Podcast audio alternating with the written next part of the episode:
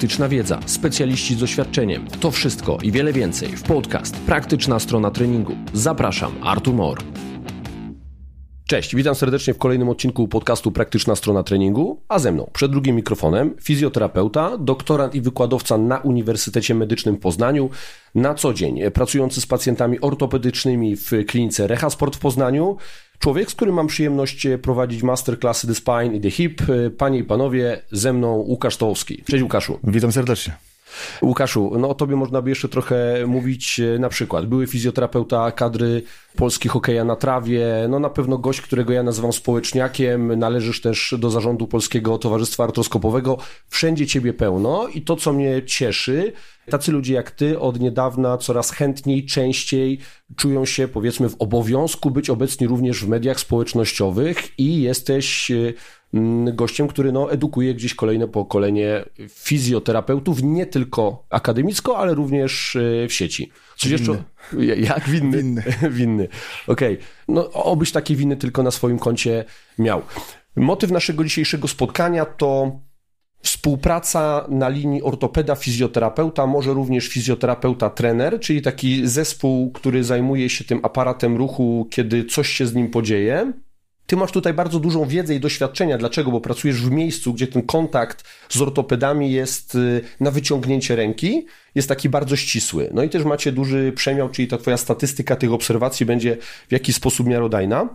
Powiedz mi, na ile u was w klinice sytuacja wygląda tak, że ortopedzi kwalifikują do postępowania zachowawczego? Czy oni wiedzą, że was mają, że mogą z was korzystać w pierwszej linii, czy raczej ten model wygląda w ten sposób, że trafia do ortopedy, jest operacja i wy dopiero zajmujecie się tą rehabilitacją pozabiegową? Ja muszę powiedzieć, że nasi ortopedzi e, zakładam przynajmniej, że korzystają z aktualnej e, wiedzy naukowej i konsensusów, które jakby dostarczają im e, chociażby kongresy takie jak SK. Możemy się odnieść tutaj nawet do tego naszego biodra dzisiejszego, bo też z tego powodu się tutaj dzisiaj widzimy. Mamy konflikt udowo-panewkowy, prawda? Aktualne doniesienia mówią nam, że ta próba zachowawczego leczenia powinna przynajmniej być podjęta na początku przez pewien okres czasu, 6 tygodni, 12 tygodni. Więc jeżeli taki pacjent trafia do takiego ortopedy i rzeczywiście nie było takiej próby i te objawy są w miarę skąpe i generalnie tej próby zachowawczego leczenia nie było, no to wtedy wysyła do nas na leczenie zachowawcze. Natomiast ja muszę powiedzieć, że do nas niestety przyjeżdżają dosyć pacjenci późno, z tego też względu, że no oni kojarzą też takie kliniki z tym, że na pewno będą chcieli ich skroić. I tutaj pewnie nie chodzi tylko o skalpel, prawda? Tak, tak. E, więc e, unikają taki, takich miejsc. E, no myślę, że też nie, niekoniecznie, dlatego też ten stereotyp gdzieś tam się powiela przez to, że ten zawodnik czy, czy e, ten człowiek przyjeżdża dosyć późno i rzeczywiście wtedy już tylko pozostaje nam skierowanie go na leczenie operacyjne, tutaj przez oczywiście przez ortopedę. No, no właśnie, to jest czasami kwestia, kiedy go kwalifikujecie, no nie? No bo jeżeli on jest już, e, trafia do dziesiątej placówki i szuka tej pomocy, no to trudno zakładać, że wcześniej było dziewięć nieudanych postępowań zachowawczych. No też kolejna kwestia to jest e, jakby tych kryteriów, e, według których będzie on kwalifikowany, no bo mówisz, że zaczynam od postępowania zachowawczego, no ale sprawa trochę się skomplikuje, kiedy na przykład taki kąt KAM będzie tam powyżej 85 stopni powiedzmy, no i gdzieś ten konflikt będzie już taki bardzo masywny, jeszcze jakieś dodatkowe tam będą uszkodzenia obrąbka poważne, no, no pytanie, do, czy wtedy do, do zachowawczego, do, Dokładnie tak. No tutaj fajnie też dyskutować. Oczywiście można taką próbę podjąć wtedy na przykład jako próba leczenia przedoperacyjnego, przygotowania do danego e, zabiegu, poprawienia pewnych aspektów funkcjonalnych i e, wtedy rzeczywiście podjęcie tej decyzji wspólnie z, e, z pacjentem. Wtedy on też czuje się zaopiekowany, można go przy okazji wyedukować, także e, to leczenie zachowawcze, nawet taka próba jednego, dwóch spotkań, myślę, że nigdy nie będzie błędem, jeżeli się z taką osobą spotkamy, tylko że no to jeżeli jest pacjent przyjeżdżający do Poznania z Przemyśla, nagle ma się dowiedzieć, że ma jeszcze przyjść na dwie wizyty.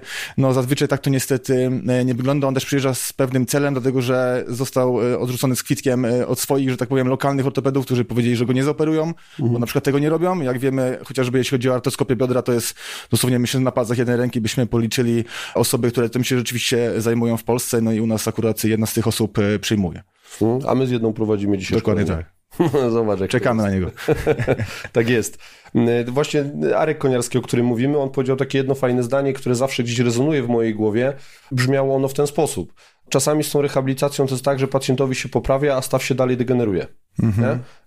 Zawsze gdzieś e, ten rachunek zysków strat z tego postępowania zachowawczego, czy on przypadkiem nie kamufluje tylko tego problemu, który postępuje, no jest w mojej głowie. Nie? Oczywiście możemy to monitorować, no bo przecież możemy wykonywać sobie zdjęcia kontrolne, rezonanse tam po roku, po dwóch i sprawdzać, e, co się z tym dzieje. Chyba, że tutaj e, no, korzystamy z tych danych naukowych. Chyba 6 do 20% pacjentów z kamem rozwinie sobie szybsze zmiany zwrotniowe, przynajmniej aktualne dane tam tak, tak mówią, ale wychodzą coraz nowsze badania i coraz więcej na ten temat wiemy. No wczoraj akurat odbyła się dosyć fajna konferencja i tak naprawdę konsensus takiej konferencji jest taki, że jeśli chodzi o biodra jest naprawdę bardzo dużo czynników e, morfologicznych, e, też związanych z mentalem e, pacjenta, które wpływają na to, czy on jest asymptomatyczny, symptomatyczny, czy rozwinie sobie szybsze zmiany, czy uszkodzi sobie tą chrząstkę w miejscu, gdzie ten konflikt następuje i jak dobrze zresztą wiesz, bo tutaj prowadzimy szkolenie przecież wspólnie, 50-60% sportowców będzie miało te zmiany morfologiczne, a nie każdy rozwija sobie dolegliwości i tutaj coraz częściej się Wiesz, mówi... ja uwielbiam piłkarzy nożnych. Tak tam jest. statystyka jest taka, że jak jesteś piłkarzem nożnym,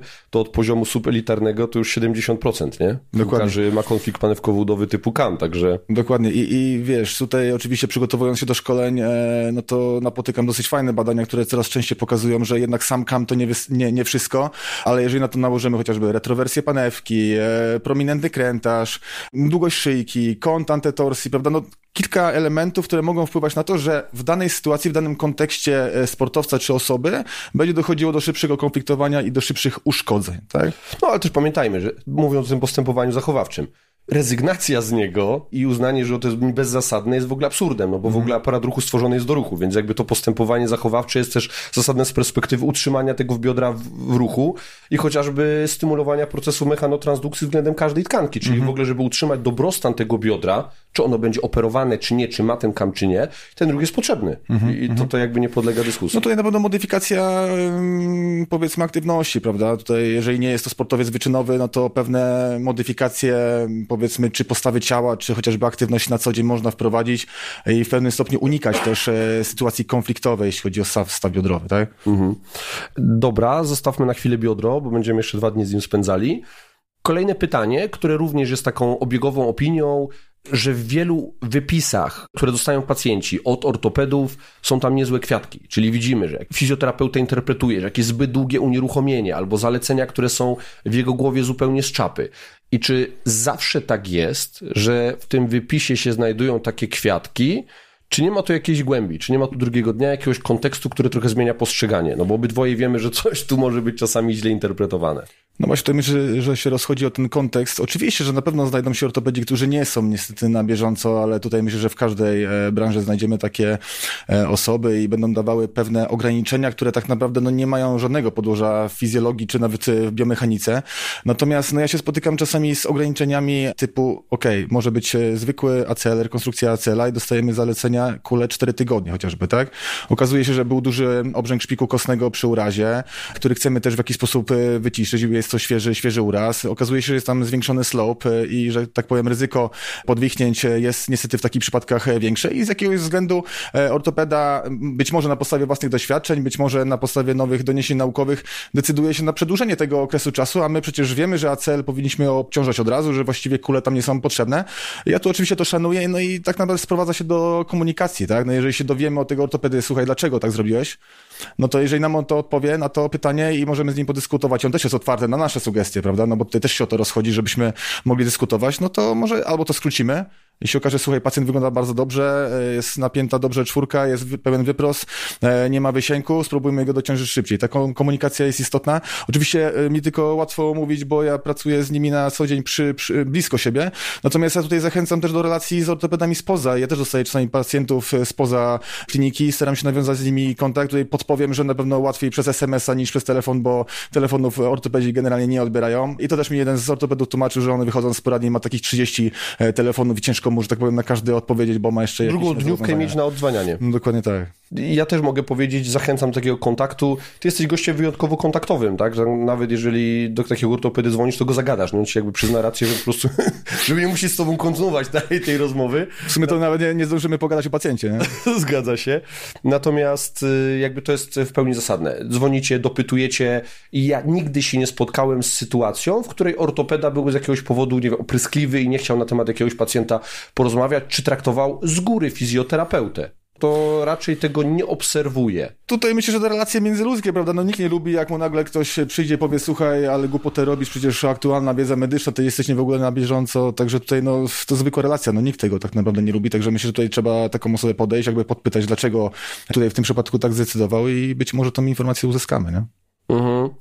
Jak wygląda, może tak, odpowiedzialność ortopeda, fizjoterapeuta, czyli pracujesz w ścisłym zespole, coś może pójść nie tak. I teraz interesują mnie dwie rzeczy. Pierwsza rzecz, na ile często pacjenci mają, jeżeli są jakieś powikłania albo proces rehabilitacji nie przebiega satysfakcjonująco, na ile obwiniają fizjoterapeutę, a na ile od razu te roszczenia lecą do ortopedy, czyli kto jest tym złym?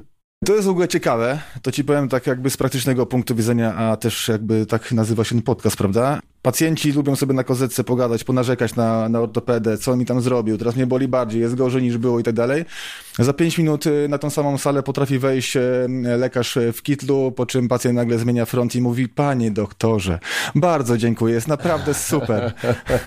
Także tutaj takie aspekty też się, też się pojawiają, jeżeli chodzi o tą odpowiedzialność. No akurat ja nie ukrywam, że współpracuję z takimi, którzy wiem, że nie zrzucają winy na nas, chyba że rzeczywiście no, taka wina, że tak powiem, zaszła, nie wprowadziliśmy odpowiedniego dociążenia albo zbyt mocne dociążenie się pojawiło i wtedy rzeczywiście musimy się trochę zreflektować, być może trochę poprawić protokół e, rehabilitacyjny czy, czy pooperacyjny. Jeżeli chodzi o pacjentów, no to to jest oczywiście różnie, zazwyczaj jednak będą winić po operacji e, ortopedę, no to niestety to jest jakby na ich barkach zazwyczaj pooperacyjny pacjent to zrzuca, no wiadomo, leczenie zachowawcze, no to jest bardziej niepowodzenie i szukanie jakby kolejnych rozwiązań, no to wtedy mówimy, że fizjoterapeuta, że tak powiem, nie dał rady, chociaż to też jest trochę wyświechtane, bo jak wiemy, no nie na wszystko możemy pomóc, nie mamy stuprocentowej skuteczności, znaczy pewnie tacy są, ale akurat nie. Akurat nie. Ja akurat niestety nie, także... Jeszcze wszystko przed tobą. Czyli mamy tutaj, że odpowiedzialność jest y, po obu stronach i w zespole i pacjent widzę E, w twoich, w swojej ocenie też potrafi to, to zróżnicować. To tak? tylko uzupełnijmy, że pewnie niestety słuchacze też spotkają się trochę z inną sytuacją, że niestety no, ortopeda będzie obwiniał ich e, za to i, i no, takie sytuacje też się spotykamy, prawda, że ktoś, że tak powiem, przekroczył pewien zakres ruchu, mimo że wszystkie protokoły mówią, że mógł to zrobić, prawda, e, a on jakby uważał, że jest inaczej. Także no to dlatego ta relacja jest tutaj istotna. My mieliśmy taką sytuację, e, tutaj fizjoterapeuta ze Szczecina miał problem z kontaktem właśnie z, z, z lekarzem, no i rzeczywiście on go oskarżył, że mm, przeprowadził źle tą rehabilitację. Natomiast to wszystko się rozchodziło, rozchodziło tą relację. Gdyby on napisał SMS-a, słuchaj, e, panie doktorze, wprowadzam taki taki zakres, proszę o zielone światło. To by wystarczyło, by miał podkładkę w SMS-ie dla tej pacjentki, proszę, tutaj jest zielone światło doktora, robimy zgodnie z jego zaleceniami. I wtedy ta odpowiedzialność jest e, rozłożona na dwie osoby, a nie potem dochodzi do jakichś nieprzyjemnych sytuacji. Mhm, dobra, no to teraz, żeby uniknąć takich sytuacji, poza wysyłaniem tego SMS-a i komunikacją, na co byś uczulił? I ja tutaj zmierzam w stronę zbyt późnego albo zbyt wczesnego dociążania, no bo to, to jest jakby zawsze klucz całej tej rehabilitacji aparatu ruchu, żeby, żeby on wrócił do ruchu, ten aparat ruchu, nie? Kto by pomyślał, że on jest stworzony do ruchu, nie? Taki zaskakujący, że stworzony jest do ruchu. No ale niektórzy jeszcze tego nie do końca wiedzą, studia fizjoterapii nie do końca promują, ten jakby oczywisty fakt. No ale dobra, dążymy do przywrócenia tego ruchu, do tego progressive overload, do tego dociążenia. Z twoich doświadczeń oraz y, popierając się aktualnymi standardami y, wiedzy, kiedy ostrożnie z dociążaniem, a kiedy raczej szybko, bo problemem branżowym jest na przykład niedociążanie jakiegoś pacjenta pozabiegowego, czy w przypadku jakiejś kontuzji. No stan ostry, oczywiście tutaj dolegliwości będą nam mówiły, czy możemy go obciążyć trochę, trochę mocniej, czy nie. Jeżeli jest tam e, zwiększone dolegliwości bólowe, pacjent jeszcze gdzieś tam, że tak powiem, jest bardziej wystraszony. Oczywiście też widzimy wykładniki stanu zapalnego, no to już jest oczywiste, że w przypadku chociażby takiego kolana i zwiększonego wysięgu, ucieplenia, no to raczej to nie jest sygnał na to, żeby dociążać to kolano, e, do kolano bardziej. Natomiast e, no, dolegliwości bólowe również będą takim e, wyznacznikiem, a w przypadku przewlekłych dolegliwości, no jak najbardziej trzeba w końcu zacząć to dociążać, natomiast ja nie ukrywam, że jestem ostrożny i zaczynam zazwyczaj z mniejszego pułapu, tak żeby sobie dać pole do popisu następnym razem. To już też z własnych doświadczeń, że po prostu no parę razy tych pacjentów się e, potrafiło przeciążyć, że tak powiem, być może niepotrzebnie. Tutaj też wchodzą pewne aspekty mentalne, no niestety to zakorzenienie w głowie tego, że na przykład nie można się zgiąć, czy nie można zgiąć kolana, e, czy nie można zrobić jakiejś aktywności, czasami jest tak duże, że jakby wrzucenie tego za szybko może też spowodować e, no, jeszcze zwiększony strach i być może nawet wyprodukowanie objawów, które tak naprawdę tam nie ma, ale jest to, że tak powiem, już e, projekcja, można powiedzieć, e, głowy, prawda? Mhm. Dobra, to ja będę rzucał kilkoma case'ami, a ty będziesz mi mówił, czy boisz się dociążać, czy nie, czy raczej asekuracyjnie, czy lecimy hura optymistycznie. szycia łąkotek u osób młodych, czyli powiedzmy 16-latek, yy, problem z łąkotką musiała być szyta, mhm. tak? Jest szyta. I teraz co? Lecimy konkret, czy raczej jesteśmy trochę wycofani? I dobrze, że powiedziałeś o tej łąkotce, bo to się często pojawia, że Szyta łąkotka nie jest równa szytej łąkotce. Może być e, szycie e, do torebki, może być szycie inside, e, może być szycie uszkodzenia radialnego, które jakby jest dociążane później i na przykład dłużej jest odciążane na, na kulach, dlatego że obciążenie tego powoduje rozchodzenie się tego, tego szycia. Z kolei horyzontalne szycia znacznie szybciej możemy dociążać. I znowu kontakt z ortopedą, dowiedzenie się, jaki to był rodzaj szycia, jaki to był rodzaj uszkodzenia. Słuchaj, czy możemy to dociążyć szybciej? I się okazuje, że byli zawodnicy, nawet piłkarze, którzy po dwóch tygodniach właściwie odstawiali kulę po, po szyciu łąkotki, a drugi piłkarz z tego samego klubu odstawił kulę po sześciu, dlatego że było to znacznie bardziej złożone szycie. Też komunikujemy to z lekarzem, no bo on widział, jak to wyglądało w, w środku, prawda?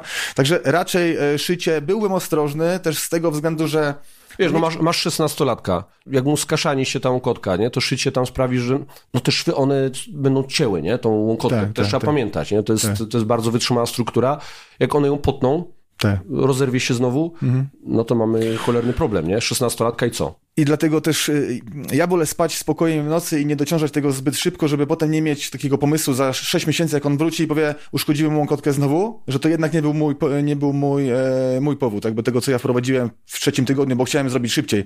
I właściwie te, te szybsze wprowadzenie czasami nic nie daje, tak. Być może czasami trzeba było odczekać, niech on się uspokoi, niech to kolano się uspokoi, spokojnie dociążajmy. Nie zyskamy nic e, tym, jeżeli wprowadzimy szybsze dociążenie, ale to jest, wiesz, no to jest ten optimal loading, który tak, tak naprawdę no, do końca nikt nie wie, jak on tam... To jest nauka i sztuka. Tak jest. To jest nauka i sztuka. Natomiast w ogóle motyw był dokładnie tak, jak w tej chwili powiedziałeś. Czyli ja postępuję tak samo jak ty, hmm. mimo że w ogóle tym nie rozmawialiśmy, ale jest to po prostu zdroworozsądkowe. Czasami lepiej odpuścić, zwłaszcza osoby młodej, żeby potem nie było problemu, że w wieku 45 lat artroza i kolano do wymiany, nie? bo te hmm. łąkotki szlak trafił Szczególnie w młodym no. wieku. Zgodzę się również, że wielokrotnie zbyt szybkie, ale może tak, że szybkie dociążenie wcale nie daje większych benefitów. W krótkim terminie tak, czyli gdybym pracował ze sportowcami, czasami to ryzyko trzeba podnieść. Natomiast jeżeli pracuje się z generalną populacją albo z osobami aktywnymi dla własnego wyczynu, który może jeszcze poczekać pół roku, rok dłużej, to ja też y, na lekko zaciągniętym hamulcu prowadzę tą rehabilitację. Ja odniosę się do takich prac, które pokazuję też na szkoleniach akurat odnośnie barku, gdzie mamy zestawienie tych przyspieszonych protokołów rehabilitacji, gdzie e, już to wstępne dociążanie jest po tygodniu i, i mamy wyciągniętą z ortezy rękę, a to konserwatywne podejście, które jest po pięciu tygodniach, no i okazuje się, że w krótkim terminie faktycznie te interwencje z szybszym e, obciążaniem wypadają lepiej w kontekście przywrócenia funkcji, natomiast w średnim i w długim terminie no, wypadają już dokładnie tak samo. Dokładnie. I, i i znowu można by poszukać tutaj drugiego dna, czyli zadać sobie pytanie, czy przypadkiem nie jest tak, że ta rehabilitacja na początku jest prowadzona szybciej, tutaj jest wolniej w konserwatywnym, w średnim terminie już wszyscy i tak są mniej rehabilitowani, a w długim to życie ich rehabilituje tak samo. czy, gdyby w ogóle ta rehabilitacja była szybko i długo prowadzona, to mogłoby się okazać, że te protokoły szybciej e, wprowadzające ten optimal loading, ten ruch, e, no, wypadają lepiej, ale tak, są rozważania. Tak jak powiedziałeś, badania potwierdzają te obserwacje, że długoterminowo, czy to kolano, czy biodro, czy, czy jakikolwiek inny staw e, wychodzi podobnie, no troszeczkę szybciej oczywiście wraca funkcja w tych przyspieszonych protokołach. Natomiast no, zawsze się pojawia słowo marketing i prawda, no teraz social media widzimy, tak, że ktoś na siłę wrzuca zdjęcie, że po tygodniu zrobił coś tam, tak? I teraz oczywiście jakie jest niebezpieczeństwo? Oglądają to pacjenci, którzy też są po takim zabiegu i teraz się okazuje, że oni przychodzą i nas się pytają, a dlaczego ja jeszcze chodzę o kulach, skoro tutaj kolega na social mediach jest po szyciu kotki już tydzień odstawił kulę? To trzeba sobie mocno różnicować i edukować tych pacjentów. E, no dobra, biodro, czekaj, lecimy. Konflikt panewkowo-udowy, tak? Robimy tego kama. Robimy tego kaba, jeszcze w zestawie było najprawdopodobniej obrąbek. Dokładnie. I co, szybko, wolno? To e, z doświadczeniem e, myślę, że coraz, coraz szybciej. I to też jest fajne, że rzeczywiście to doświadczenie pozwala nam na to i to jest jakaś tam przewaga właśnie tego, że tych bioder się już widziało trochę więcej niż, niż reszta. Czy oczywiście są terapeuci, nie ukrywam, że no pierwszy raz widzą biodro i od razu jadą z tematem ostro i troszeczkę bez żadnego pomyślunku i tak naprawdę nie wiadomo, jakie są konsekwencje takich działań długoterminowe, natomiast no jest, tak jak powiedziałem, bardziej jestem ostrożny. Także myślę, że na podstawie tego, co przewertowałem literaturę, zaobserwowałem też inne protokoły i tego, co widzę po pacjentach, no przyspieszyłem, znaczy ten E, protokół względem tego, co robiliśmy jeszcze jakiś tam czas temu. Powiedzmy, bo te biodra u nas tak około 15 lat już są tam wykonywane, prawda, u nas w klinice akurat, nie? Mhm. Największe nie chcę mówić niepowodzenia, ale takie dolegliwości bądź zabieg, który spędza ci sens powiek. Czyli taki... taki no, jest. No, co? Wiesz co, o, dla, nawet rozmawialiśmy o tym z Maciejem Białym, który też jest fascynatem kolana i, i też potwierdził moje obserwacje, że no, chrząska, rekonstrukcja chrząstki na rzepce to jest po prostu, jak ja to widzę, to po prostu idzie się przeżegnać. Mam nadzieję, że nie słuchają tego moi pacjenci po tych akurat e, zabiegach. Natomiast y, no to, co ja obserwuję, tam jest dosyć szybko idzie atrofia mięśnia czworogłowego. Wiadomo, że bez mięśnia czworogłowego ta funkcja jest znacznie zaburzona. I, i generalnie przeciąża się na nowo staw rzepkowo-udowy, który de facto miał być y, zregenerowany, odtworzony. Być może, no tutaj jest podobna sytuacja jak w to co tutaj też rozmawiamy z ortopedami, no musimy tutaj też rozważyć to, że ta chrząstka to jest tak naprawdę taka wisienka, negatywna wisienka na torcie, czyli tak naprawdę ten profil rotacyjny danego kolana, prawda, czy on jest w antewersji właśnie, czy, czy jest ten tak zwany miserable alignment, czyli ta koszlawość taka powiedzmy strukturalna, która spowoduje, że te siły działające na chrząstce na rzepce są nierównomiernie rozłożone i to uszkodzenie jakby jest lustrzane do tego właśnie, do tej tej całej projekcji. I tak naprawdę naprawienie tego to jest tylko takie trochę zapudrowanie tego, co się tak naprawdę dzieje. I, i zresztą dr Feluś e, z Krakowa, który jakby też jest e, fanem leczenia tego przez chociażby osteotomię. I też myślę, że też inni ortopedzi, którzy to wprowadzają, no jest to pewien pomysł, natomiast on dla, dla fizjoterapeuty brzmi strasznie, dlatego, że to jest połamanie kości, że tak powiem i ustawienie ich na nowo, z punktu widzenia teraz, tak jak ja to widzę, to też nie jest tak źle, bo nie wchodzimy do stawu w ogóle. Tak naprawdę gojenie się kości zawsze przebiega trochę lepiej, ale jest to dosyć takie, mm, no... no wiesz, znowu, bo akurat te wszy, ten e, szeroko rozumiany anterior knee pain mhm. i te wszystkie dolegliwości z tego wora, czyli dotyczące stawu rzepkowo-udowego są mi względnie bliskie, tak czyli i tego sporo przerobiłem w praktyce i sporo o tym poczytałem i taka jedna główna narracja, która się z tego wyłania, to jest nie wchodzić tam na pewno artroskopem i w ogóle nie dotykać tego ortopedycznie, bo rzadko kiedy jest zasadność. A, ja, ja mówię gdy uszkodzenie jest tej chrząstki, po prostu, które daje objawy, jest uszkodzenie no, czwartego stopnia. I no ale dobra, no ale no. przecież teraz znowu, uszkodzenie czwartego stopnia, chondromalacja czwartego stopnia. Ja oraz y, współpracujący ze mną ortopedzi widzimy tego bardzo dużo. Dużo asymptomatycznych, no. Tak, którzy mają czwartego stopnia w młodym wieku i potem nawet w dłuższych follow-upach, takich wiesz, mhm. indywidualnych, nie, nie, nie science, tylko mhm. y, obserwacji tego pacjenta, bo to często jest pacjent trafia do ortopedy w wieku 18 lat i potem w wieku 26, mhm. 7, 8 i sobie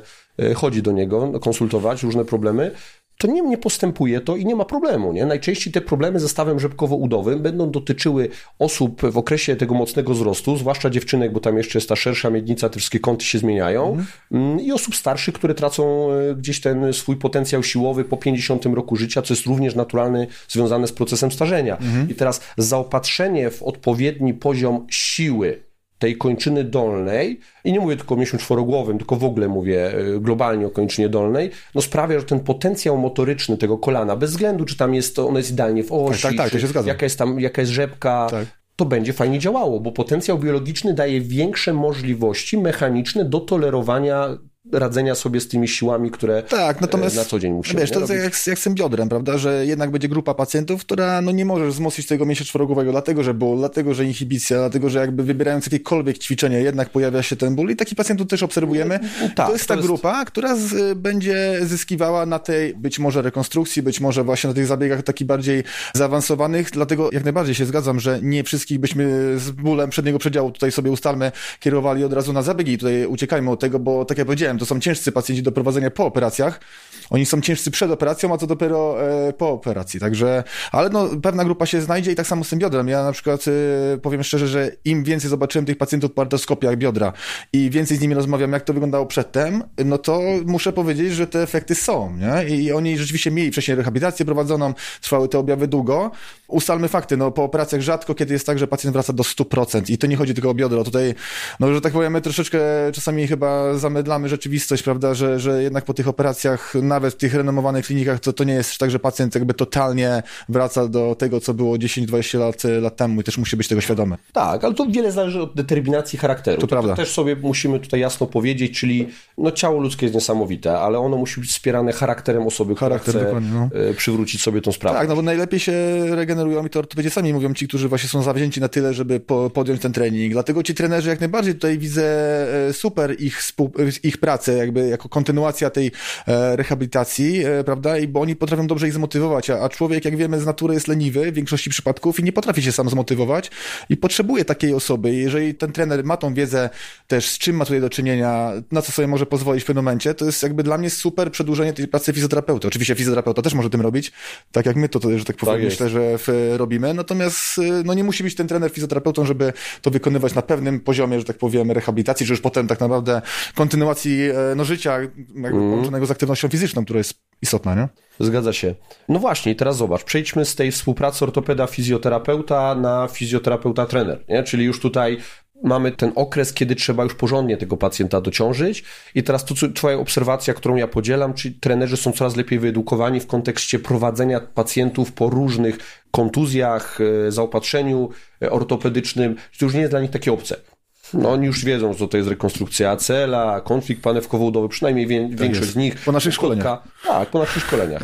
W ogóle jakby łączenie tych światów jest super. Zwróć uwagę, że od 2019-2020 y, roku następuje zbliżanie tych światów. Bo mhm. tak jest. Jakby myślę, że z 3-4 lata temu trenerzy byli dużo bardziej zieleni, jeżeli chodzi o, o aparat ruchu i o kontuzję. No, nie, no, Gdy miałem opowiedzieć albo z, powiedzieć, jak wygląda skład grupy na szkoleniach z dla trenerów, które prowadzimy, czy dla fizjoterapeutów, to są to grupy mieszane. I to w dwie strony działa. Czyli fizjoterapeuci coraz chętniej przychodzą na szkolenia dla trenerów i odwrotnie. Trenerzy nie boją się przyjść na szkolenia o takim charakterze bardziej medycznym, ażeby tą wiedzę zrozumieć. I myślę, że to jest prawdziwe pojęcie trenera medycznego. Mhm. Czyli to jest trener, który ma fundamenty, taką podstawową erudycję medyczną nie boi się z niej korzystać. No jak ta współpraca ci się układa? To znaczy, na ile często ty wysyłasz do tych trenerów, a może czasami jak masz pacjenta, to w ogóle na pierwszej wizycie widzisz, no panie, to tu nie ma roboty dla mnie, idziesz pan do trenera. Mam taką grupę trenerów, e, że tak powiem, lokalnie, no i oczywiście w Polsce również też, jeżeli, jeżeli ci pacjenci przyjeżdżają i tak jak powiedziałeś, jeżeli ten pacjent właściwie ma skąpe objawy i właściwie potrzebuje odpowiedniego dociężenia, a jeszcze lokalnie nie znam żadnego fizjoterapeuty, który generalnie byłby w stanie to zrobić, no to jak najbardziej wysyłam do, do trenera. Mam Mamy oczywiście trenera u nas w klinice, e, który też na pewnym etapie rehabilitacji przejmuje tych, e, tych pacjentów. No ja osobiście wiem, że nawet pamiętam, miałem takiego piłkarza po ACL-u i w pewnym momencie wysłałem go do, do trenera i przyszedł i mówił, że super, że po prostu jest to całkowicie inna praca i ja się na takie rzeczy nie obrażam, bo oczywiście ćwiczenia mogły być podobne, natomiast ten sposób motywacji, e, sposób prowadzenia tych zajęć jest całkowicie inny niż to, w jaki sposób ja pracuję, dlatego że pracuję bardziej klinicznie, bardziej, że tak powiem, rozpisuję te plany i konsultuję tych pacjentów, niż bym ich prowadził ten trening.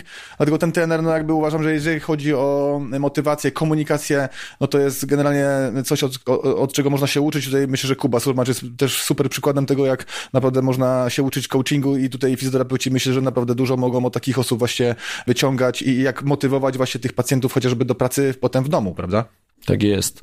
No to trochę ciemne strony tej współpracy. Czyli kiedy musisz e, zadzwonić do trenera i go pieprzyć, albo czy ci się to zdarzyło, czy coś takiego się dzieje. Kurczę, ciemne strony właśnie polegają na tym, że ja tym pacjentom mówię tak, e, masz trenera, proszę, to jest mój numer, jeżeli on chce się coś dowiedzieć na temat chociażby tego konfliktu dowo-ponowkowego, teraz miałem, on w sumie nie zadzwonił, teraz rzeczywiście od środy, no, od środy już dałem ten kontakt. Nie wiem, czy się widziała ta pacjentka. No właśnie, dzwonią? No właśnie, wiesz co, rzadko, albo naprawdę po jakimś dłuższym czasie, jak już ten pacjent sam się dopomina. No bo tak naprawdę to też jakby dobrze pacjent na to patrzy, jeżeli ten trener też wie, o czym będzie mówił fizjoterapeuta, prawda? Tutaj ta wymiana doświadczeń jest istotna. Chociażby mamy pacjentów po ACL-ach, prawda? Trafiają do trenerów, którzy, no wiemy, że, że nie mogli zobaczyć więcej ACL-ów od nas, no bo siłą rzeczy, no my jednak tą, e, tą krzywą uczenia, czy powiedzmy ilość tej nabitej ręki tym ACL mamy, no bo to jakby wynika ze specyfiki kliniki. Ja, ja w ogóle powiem, że, no.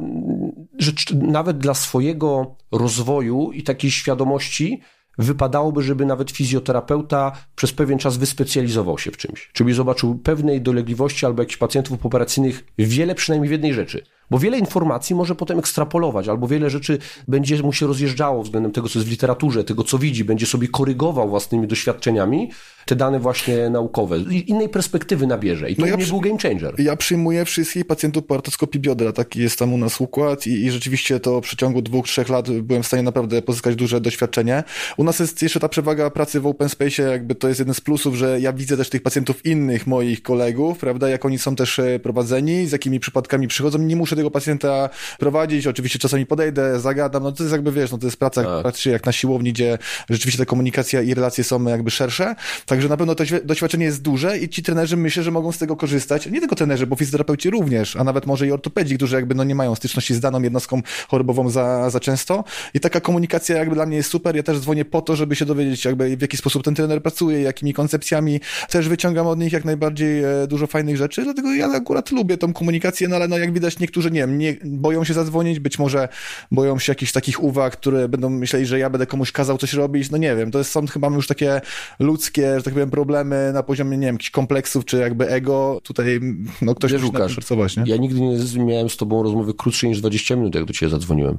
No. Może oni po prostu się boją, że nie mają tyle czasu. Oczywiście żart. Dobra, to kolejna rzecz. Na ile widzisz, że ortopedzi kumają funkcję? Czyli na ile ci ortopedzi są funkcjonalni? Ja kiedyś nazwałem tak Jakuba Liberskiego najbardziej funkcjonalny ortopeda. No gość, który po pierwsze zaakceptował, że tutaj nie tylko struktura, ale i funkcja. Po drugie, cały czas eksploruje możliwości swojego aparatu ruchu przekrojowo, bo jest to po prostu cholernie sprawny gość. I on też ma pewne potrzeby realizacji tej swojej sprawności, czyli jak doskwieram jakaś kontuzja, wie też w głowie, z czym sobie taki pacjent musi poradzić, jak mu się zabiera tą aktywność. On wiele rozumie z perspektywy pacjenta, z perspektywy fizjoterapeuty, i czy to jest u was reguła, czy jednak to jest rzadkość? Wiesz co, no u nas większość jednak jest aktywna i to nawet e, czasami na poziomie jakichś tam startów w zawodach i tak dalej. Myślę, że to też dużo zmienia. Oni też mają, e, chodzą często na treningi do trenerów, e, czy to personalnych, czy nawet motorycznych, także oni się też uczą od nich, dyskutują z nami i też myślę, że też im trochę, że tak powiem, przekazujemy tej wiedzy, także oni mogą to przekazać. Natomiast myślę, że są pewne granice kompetencji i na przykład ja ci powiem, u nas docent Piątek, on to skwituje w ten sposób. Proszę mieć takie pośladki, żeby orzechy rozbijać jak jagienka, a jak to zrobić, to tu jest fizjoterapeuta, który pani to pokaże, także on nie mądruje się, w jaki mhm. sposób, jakie ćwiczenia stosować. I wiem, że niektórzy ortopedzi pokazują te ćwiczenia, czasami dają, e, że tak powiem, szablon ćwiczeń.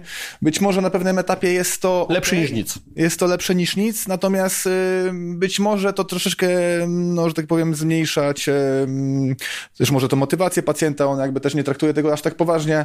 Także no uważam, że tak, te kompetencje też po to są właśnie, tak, że mhm. my nie jesteśmy do końca od diagnozowania e, pewnych chorób, czy jakby dysfunkcji, decydowania o pełnym procesie leczenia. Tak samo oni być może nie są od tego, żeby programować e, trening, bo po prostu nie mają na to wiedzy, doświadczenia również. Mhm. To, co rozmawiamy, tak? Oni diagnozują e, bardzo dużo, no bo tym się zajmują i operują bardzo dużo. Także ja nie pójdę i nie powiem, słuchaj, jak będziesz robił tego asera, to weź tą rękę tam trochę w prawo. Że teraz ty mi przychodzisz i mówisz, że no. weź inne ćwiczenie na to, bo to ja, ja znam lepsze, no nie? No Jakby oczywiście. Każdy ma swoje kompetencje, prawda? Oczywiście. Ja cały czas mam przekonanie, że mimo, że w obiegowych opiniach zarzuca się ortopedom, że oni są strukturalni, to ja faktycznie spotykam coraz więcej ortopedów, no ale to jest też moja bańka informacyjna i jakby środowisko, w którym funkcjonuję, którzy dokładnie, tak jak mówisz, uprawiają jakiś sport, to są ortopedzi, którzy no wiedzą, że aparat ruchu stworzony jest do ruchu i powiedzieć komuś, że no teraz 6 tygodni proszę nie uprawiać jakiegoś sportu i się nie ruszać, nie dzieje się, raczej bez jakichś grubych wskazań. Natomiast myślę, że problem jest zbyt powszechny i nazbyt obecny w fizjoterapii. Mhm. To znaczy wielu terapeutów manualnych, zwłaszcza tych, którzy będą e, w tych wszystkich nurtach, jeszcze w stronę osteopatii, nie? Mhm. homostaza organizmu, przywracanie, manipulacje płynami, przepony, nerwy błędne. Wtedy nie trzeba ćwiczyć. To wystarczy. tak. no, no, no, właśnie, tylko oni nie rozumieją tego, nie? Oni jakby tego nie rozumieją. Ja pamiętam takie słowa Jill Cook, kiedy ona była zapytana, co by poleciła najbardziej fizjoterapeutom, żeby ich, co było dla nich najbardziej rozwijające. Ona po jakimś trzysekundowym zastanowieniu powiedziała, żeby kupili sobie karny na siłownię.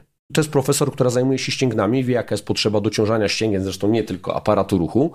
No to dała jasną rekomendację. Jeszcze powiem może w ten sposób, no. jedną rzecz. Przytoczyłem w tej rozmowie pojęcie mechanotransdukcji, czyli to jest taki proces nieustannie trwający, który będzie w efekcie działających sił na aparat ruchu albo napięcia, napięć mechanicznych, pracy mięśniowej, powodował szereg reakcji biochemicznych, które będą owocowały przebudową bądź nadbudową tkanki. Czyli żeby coś się goiło, utrzymywało swój dobrostan w naszym aparacie ruchu, czy to chodzi o kości, ścięgna, e, więzadła, mięśnie, chrząstkę, potrzebuje tego ruchu. Nie? Jeżeli tego zabierzemy, no to będzie ulegało to degeneracji, atrofii, na pewno nic dobrego z tego nie będzie. Tak.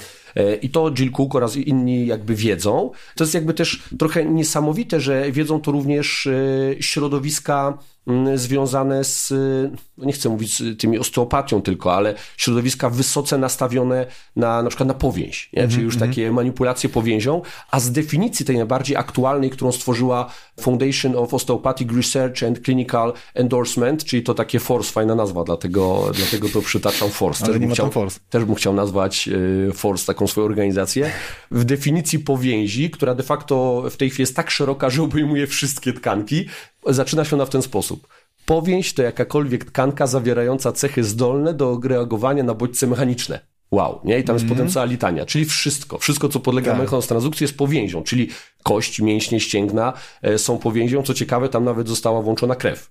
Także ciekawe są współczesne standardy dotyczące powięzi, bo mówiąc o powięzi, mówimy już o całym człowieku. No, My tak. jesteśmy powięzią w tej chwili.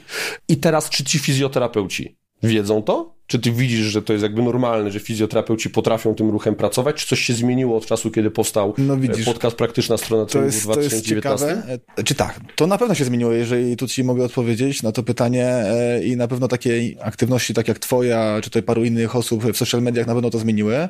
Ja widzę też po studentach, tak? E, I to, co powiedziałeś i co powiedziała Jill Cook, że trzeba ćwiczyć i wtedy łatwiej nam programować te ćwiczenia. Ja zadaję prosto pytanie studentom na pierwszym roku, żeby sprogresowali, zregresowali, nie wiem, najprostsze ćwiczenie typu podpór przodem, plank, prawda?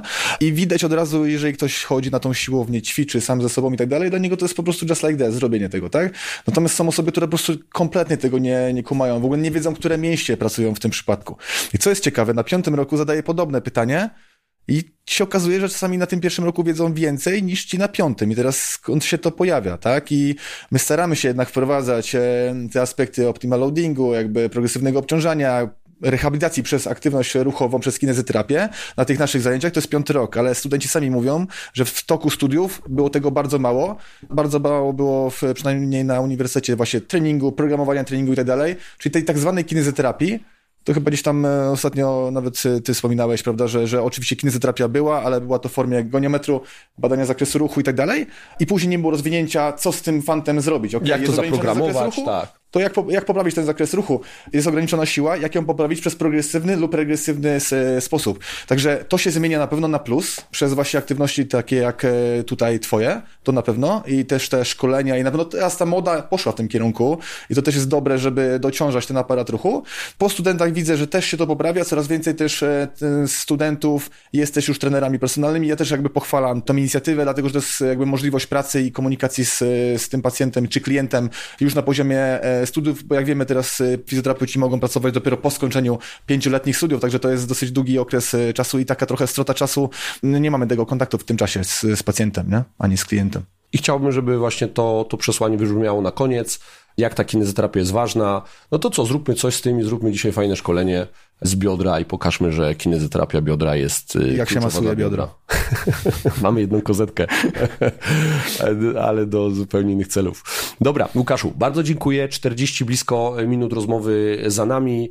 Mm, spędzamy dwa dni ze sobą, jeszcze sobie trochę pogadamy. Dziękuję i do usłyszenia następnym razem. mnie dość. Cześć. No, dzięki. Odsłuchałeś odcinek podcastu Praktyczna strona treningu. Jestem właściwie pewien, że zainteresuje Cię mój drugi podcast o nazwie Praktyczna strona dietetyki. Polecam Artur Mor.